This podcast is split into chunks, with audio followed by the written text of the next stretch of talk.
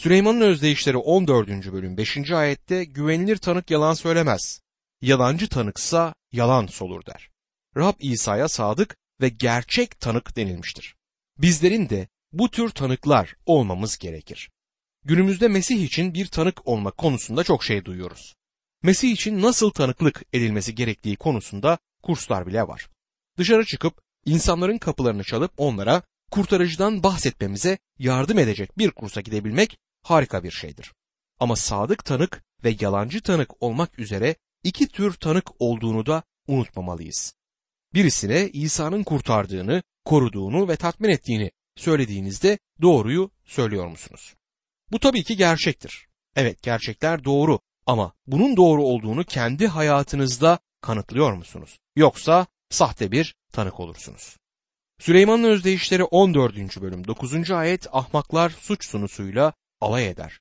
Dürüstler ise iyi niyetlidir der. Tanrı sözünde İzabel günahla alay eden birine en iyi örnektir. Bizlere bunu yapan kişilerden uzaklaşmamız ve onlarla hiçbir işimiz olmaması söylenir. Süleyman'ın özdeyişleri 14. bölüm 10. ayette yürek kendi acısını bilir.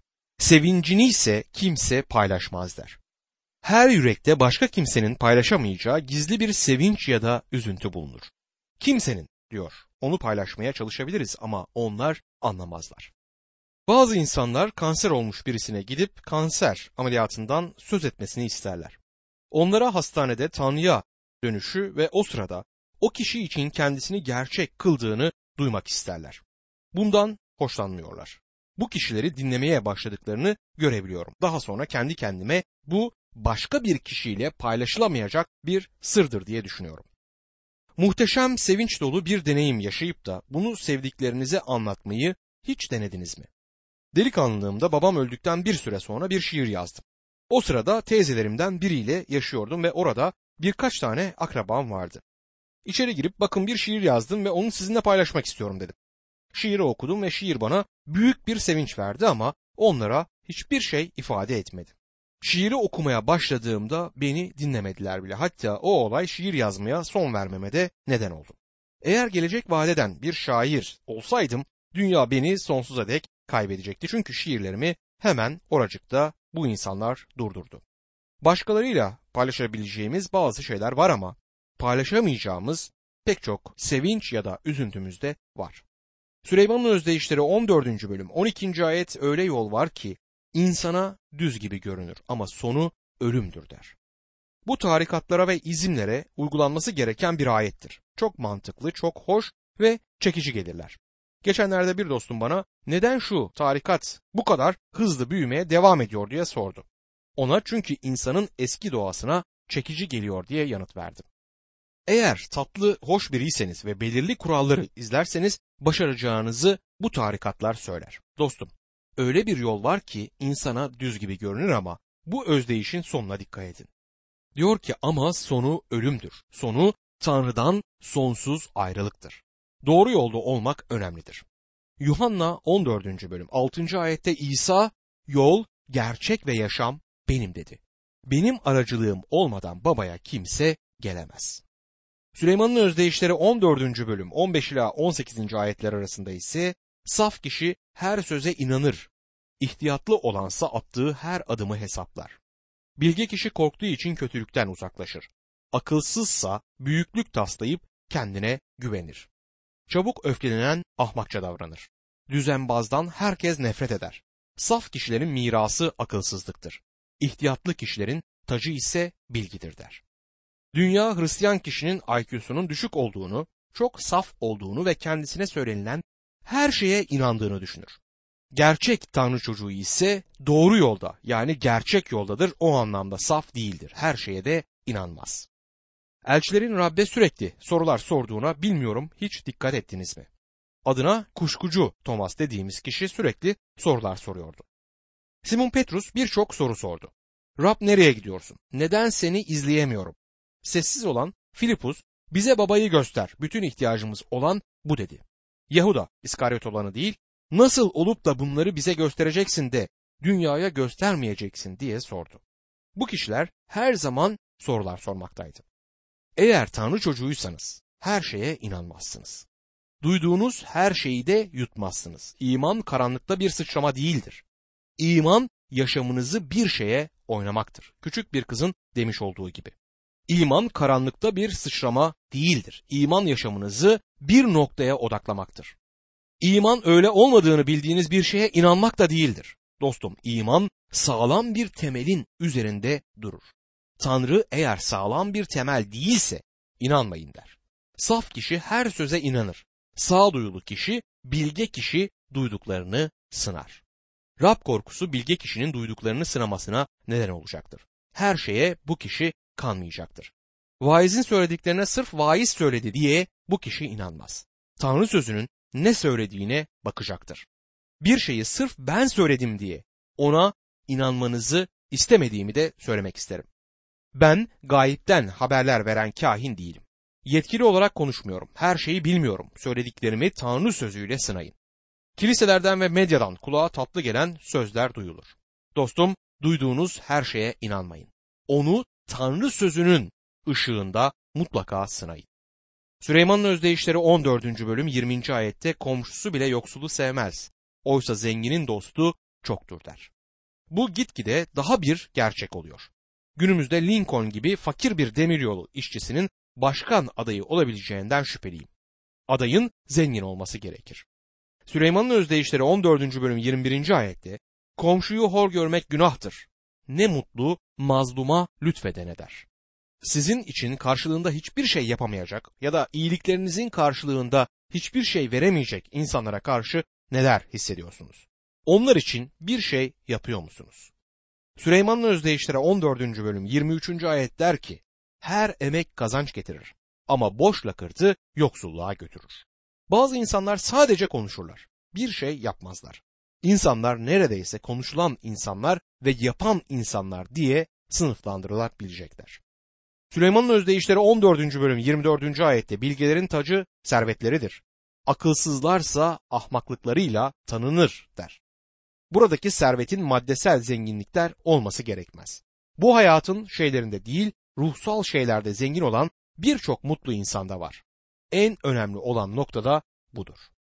Özdeyişler 14. bölüm 25. ayet dürüst tanık can kurtarır, yalancı tanık aldatıcıdır der. Rab İsa bunu şu şekilde dile getirir. Matta 15. bölüm 14. ayette. Bırakın onları, onlar körlerin kör kılavuzlarıdır. Eğer kör köre kılavuzluk ederse ikisi de çukura düşer. Özdeyişler 14. bölüm 27. ayet Rab korkusu yaşam kaynağıdır. İnsanı ölüm tuzaklarından uzaklaştırır der.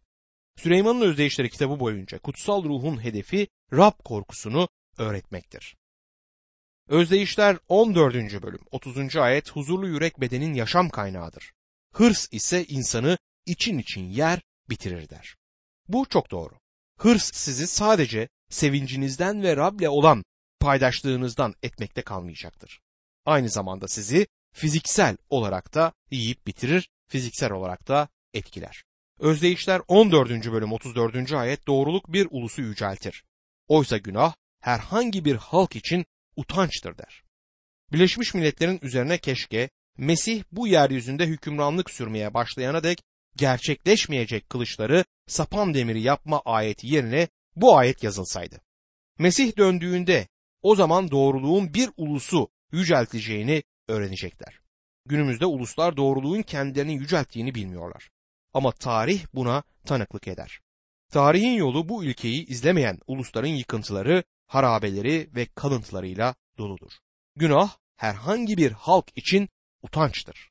Süleyman'ın özdeyişleri 15. bölüm iyilikle kötülüğü karşılaştırır ve önce dilin sonra da yüreğin rolünü vurgular. İlk olarak dilin rolüne bakalım. Süleyman'ın özdeyişleri 15. bölüm 1. ayet şöyle der. Yumuşak yanıt gazabı yatıştırır. Oysa yaralayıcı söz öfkeyi alevlendirir der. Bu özdeyişin aklınıza Abigail ve Naval'ı getirdiğinden eminim. Onlara uygun gelen birkaç özdeyişi gördük. Abigail çok güzel, hoş bir eş ve kadındı. Kocası Naval akılsızdı ama çok zengin bir adamdı. Güzel ve Çirkin diye bir kitap vardır ve bu Naval'la Abigail'in öyküsüdür. Güzel olan Abigail, çirkin olan ise Naval'dır. Abigail'in kocasının nazik ve düşünceli bir şekilde sürülerine bakan Davut'a hakaret edici bir yanıt gönderdiğini öğrendiğinde aceleyle hizmetkarlarına Davut için büyük miktarda yiyecek hazırlamalarını buyurduğunu hatırlarsınız. Sonra Davut'u karşılamaya gitti ve onun önünde yere kapandı. Onu gelecekteki kral olarak kabul ediyordu ve ona yaşamının Tanrı'yla yaşam yumağında sarılı olduğundan söz etti. Bu çok güzel bir sözdü. Yumuşak bir yanıt verdi ve bu öfkeyi dindirdi.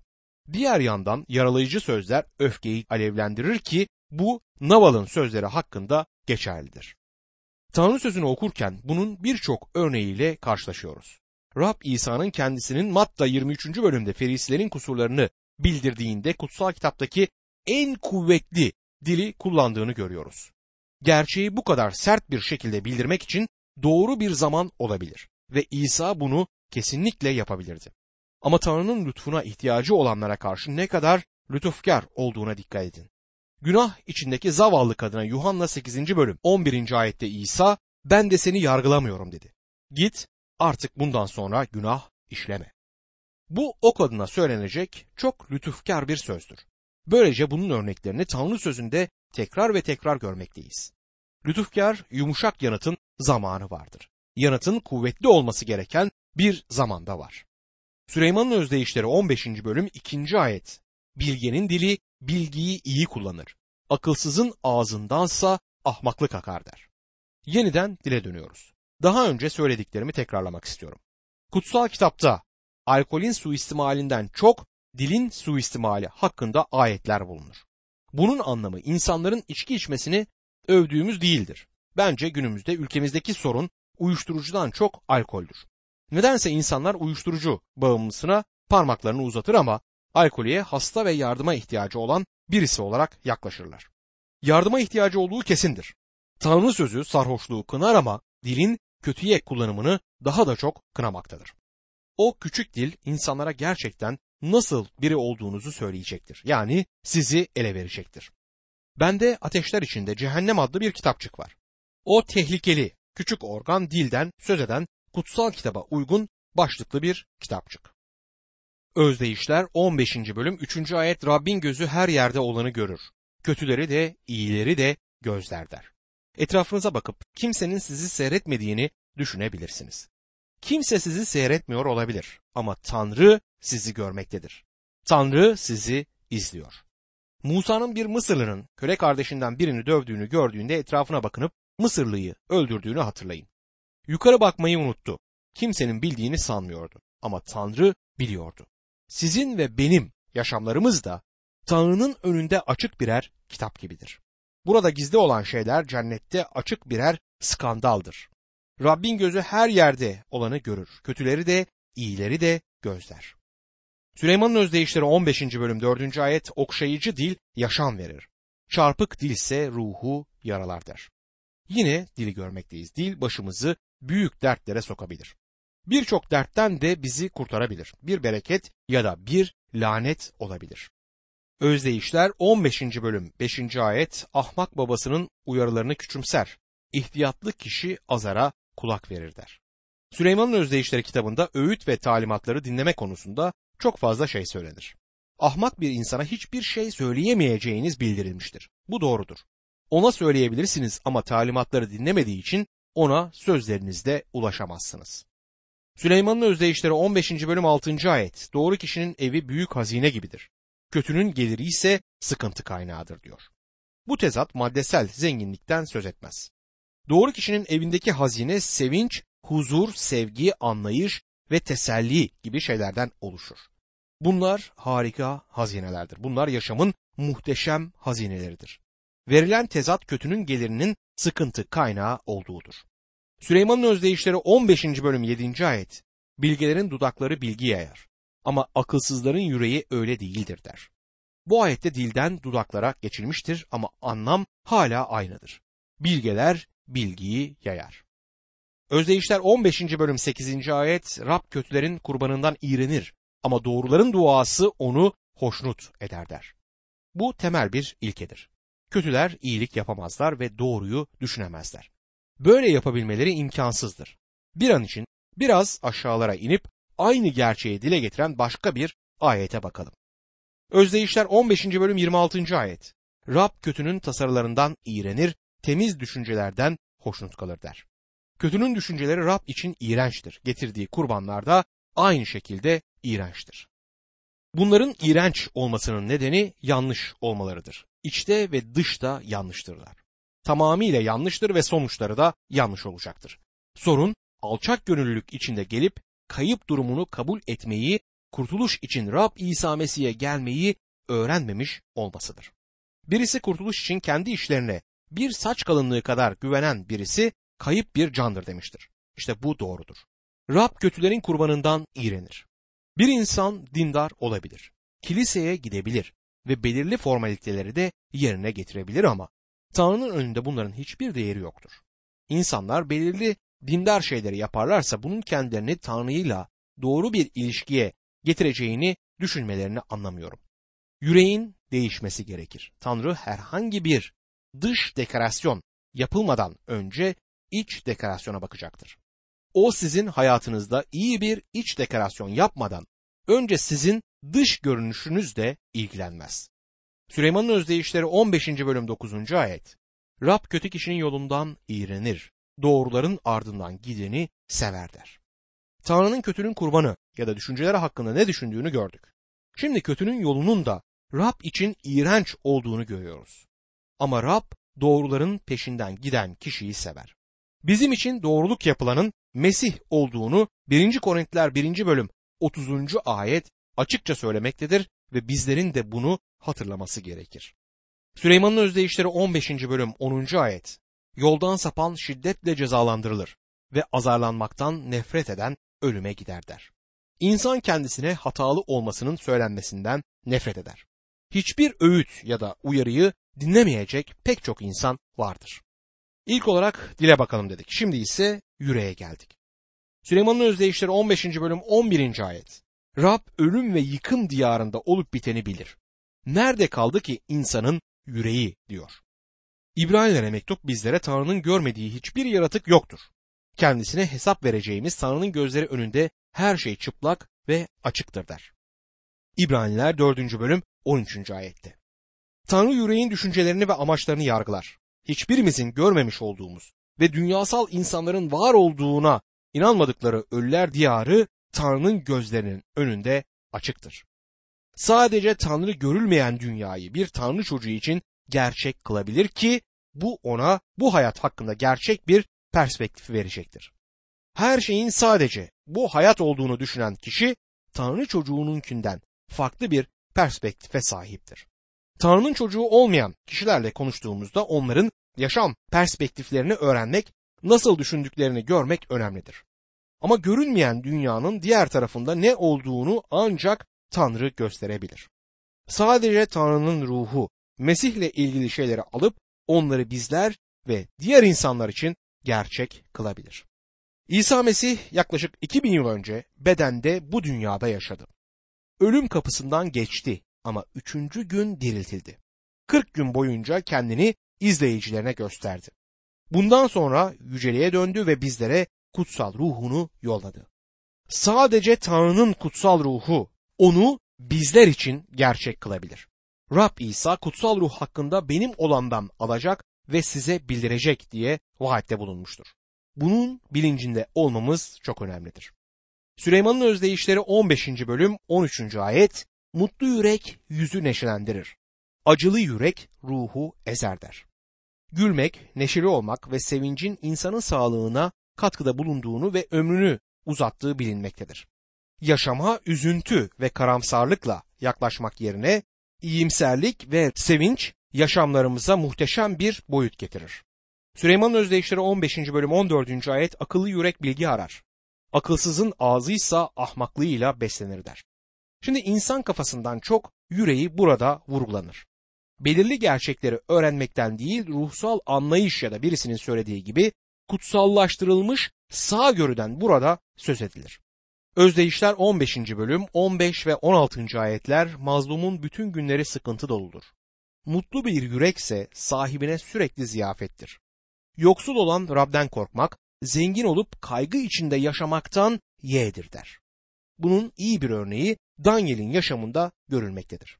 genç bir delikanlıyken Babil'e köle olarak götürülmüştü. Büyük bir yetenek göstermiş bu yüzden de hükümet hizmetinde eğitilmek üzere bilgeler arasına konulmuştu. Kendisi için öngörülen yiyecekleri yemeyi reddetti çünkü bunlar Tanrı'nın yasaları tarafından Yahudiler için yasaklanmış yiyeceklerdi. Bunun yerine tahıllardan oluşan bir beslenme programını istedi. Bunu Rab'den korkusundan ötürü yapmıştır. Tanrı'ya hizmet etmeyi istiyordu. Tanrı bu adamı büyük ölçüde onurlandırdı. Onu bütün dünyayı yöneten ilk kişi olan Nebukadnezer'in başbakanı yapmıştır. Persler ülkeyi aldıklarında Tanrı Danyel'i yine bütün dünyayı yöneten ikinci yönetici olan Büyük Koreş'in başbakanı yaptı. Tanrı hizmetkarlarını onurlandırdı. Özdeyişler 15. bölüm 18. ayet huysuz kişi çekişme yaratır. Sabırlı kişi kavgayı yatıştırır der. Bizi geriye birinci ayete götürür. Bu 18. ayet. İnsanlara karşı kaba ve sert olan kişi çekişme yaratmaktadır. Ancak Tanrı sözünün bildirilmesinin de çekişme yaratacağı doğrudur. Rab İsa'nın yeryüzüne gelen en tartışma yaratan kişi olduğunu hatırlatmak isterim. Gerçeğin bildirildiği her yerde çekişme olacaktır. Çünkü onu duymayı istemeyen insanlar olacaktır. Tanrı sözünün güçlü bir ölçü olduğunu hatırlayın. Onu bir cemaatte çalıştırırsanız kimin gerçek bir Hristiyan, kimin olmadığını öğrenebilirsiniz. Topluluğundan ötürü sıkıntı çeken genç bir vaiz bana akıl danışmaya geldi. Ona küçük bir çocukken başımdan geçen bir olayı anlattım. Geceleri ata ya da ineğe yem vermek için ahıra gittiğimde bir lambayı yakıp yanıma alırdım. Ahırın kapısını açıp da içeri girdiğimde iki şey olurdu. Fareler kaçıp saklanır ve çatı kirişlerinde yuva yapan kuşlar da ötmeye başlardı. Işık işte bu iki farklı etkide bulunurdu. Ve Tanrı sözü bildirildiğinde farelerin kaçıp saklandığını ve kuşların şarkı söylemeye başladıklarını göreceksiniz. Çarmıhın tökezini abartmamamız, onu sadece bildirmemiz gerektiğini aklımızda tutmalıyız. Süleyman'ın özdeyişleri 15. bölüm 20. ayet bilge çocuk babasını sevindirir. Akılsız çocuksa annesini küçümser der. Oğlu iyi şeyler yaptığında babası oğluyla övünecektir. Oğul başarısız oluyorsa babasından oğlu hakkında hiçbir şey duymayacaksınız. Süleyman'ın özdeyişleri 15. bölüm 23. ayet uygun yanıt sahibini mutlu eder. Yerinde söylenen söz ne güzeldir der. Ne söylediğiniz değil, ne zaman söylediğiniz önemlidir. Bazen doğru zamanda söylenen doğru sözler çok önemlidir. Birçoğumuz doğru zamanda söylenen doğru sözlerin yaşamımızın akışını değiştirdiğine tanıklık edebiliriz. Bana böyle olduğu kesindir. Süleyman'ın özdeyişleri 15. bölüm 26. ayette Rab kötünün tasarılarından iğrenir. Temiz düşüncelerden hoşnut kalır der. Kötülerin kurbanlarının yollarının ve düşüncelerinin Rab için iğrenç olduğunu görmüştük. Kötü kişi yollarından döndürülmelidir. Dönmesi gereken yer Tanrı olmalıdır. Süleyman'ın özdeyişleri 15. bölüm 29. ayette Rab kötülerden uzak durur. Oysa doğruların duasını duyar der. Elçi Petrus da aynı şeyi yazmıştır. Tanrı'nın doğru olanların duasını işittiğini ki bu ilginçtir ama kulaklarının kötülerin dualarına kapalı olduğunu 1. Petrus 3. bölüm 12. ayette Elçi Petrus söyler. Süleyman'ın özdeyişleri 15. bölüm 30. ayet Gülen gözler yüreği sevindirir. İyi haber bedeni ferahlatır der. Size şunu söyleyeyim ki kilo vermenin iyi yollarından biri kötü bir şey duymak, kötü bir haber almaktır. Süleyman'ın özdeyişleri 15. bölüm 30. ayette gülen gözler yüreği sevindirir, iyi haber bedeni ferahlatır derken insanların öğrenmesi gereken önemli bir ders bizlere sunulur. Tanrı'dan öğrenmek için alçak gönüllülükle Tanrı'ya gelmek gerekir.